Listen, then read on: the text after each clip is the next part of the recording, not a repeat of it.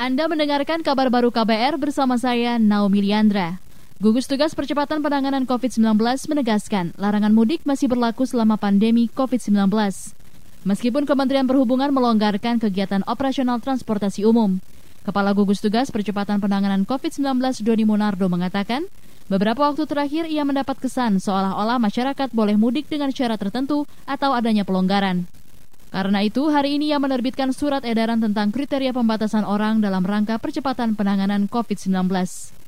Saya tegaskan, tidak ada perubahan peraturan tentang mudik. Artinya, mudik dilarang, titik. Saya tegaskan sekali lagi, mudik dilarang, titik. Adapun surat edaran yang telah kami terbitkan ini dilatar belakangi oleh sejumlah persoalan yang terjadi di beberapa daerah. Ketua Gugus Tugas Percepatan Penanganan COVID-19 Doni Monardo menambahkan, pengecualian hanya untuk aktivitas atau kegiatan yang terkait percepatan penanganan COVID-19. Menurutnya, tanpa ada pengecualian, penanganan COVID-19 di daerah akan terkendala. Keputusan Kementerian Perhubungan melonggarkan operasional layanan transportasi umum di tengah pandemi COVID-19 menuai kritik dari parlemen. Sejumlah anggota DPR menilai tingkat penyebaran COVID-19 saat ini masih tinggi. Kebijakan itu dianggap akan memperbanyak jumlah korban.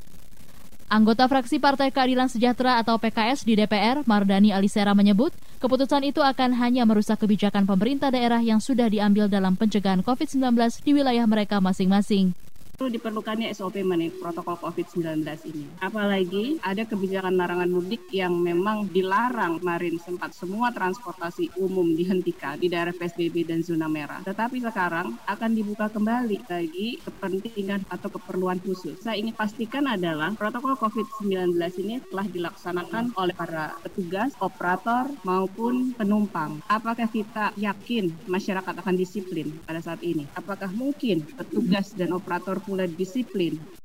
Anggota fraksi PKS di DPR Mardani Alisera meminta kebijakan itu dicabut sampai pandemi COVID-19 benar-benar bisa dikendalikan. Kritik serupa juga dilontarkan anggota DPR dari fraksi PAN, Saleh Partawanan Daulay, dan anggota fraksi P3 DPR Nurhayati Menuarfa.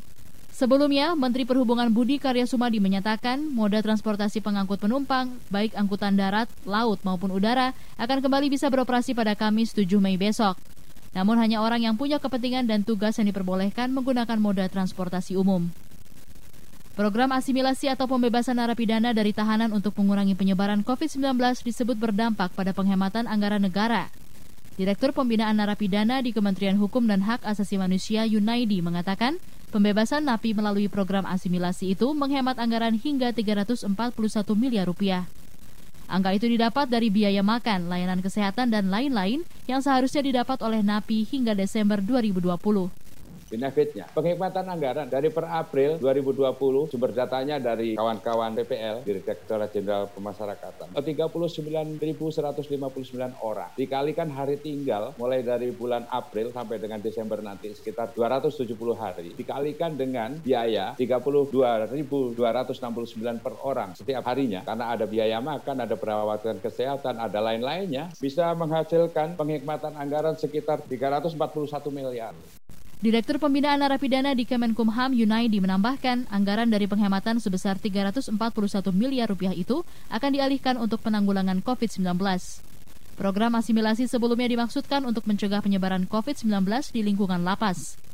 Banyak lapas kelebihan muatan sehingga tidak mungkin diterapkan jaga jarak fisik untuk mencegah penularan COVID-19.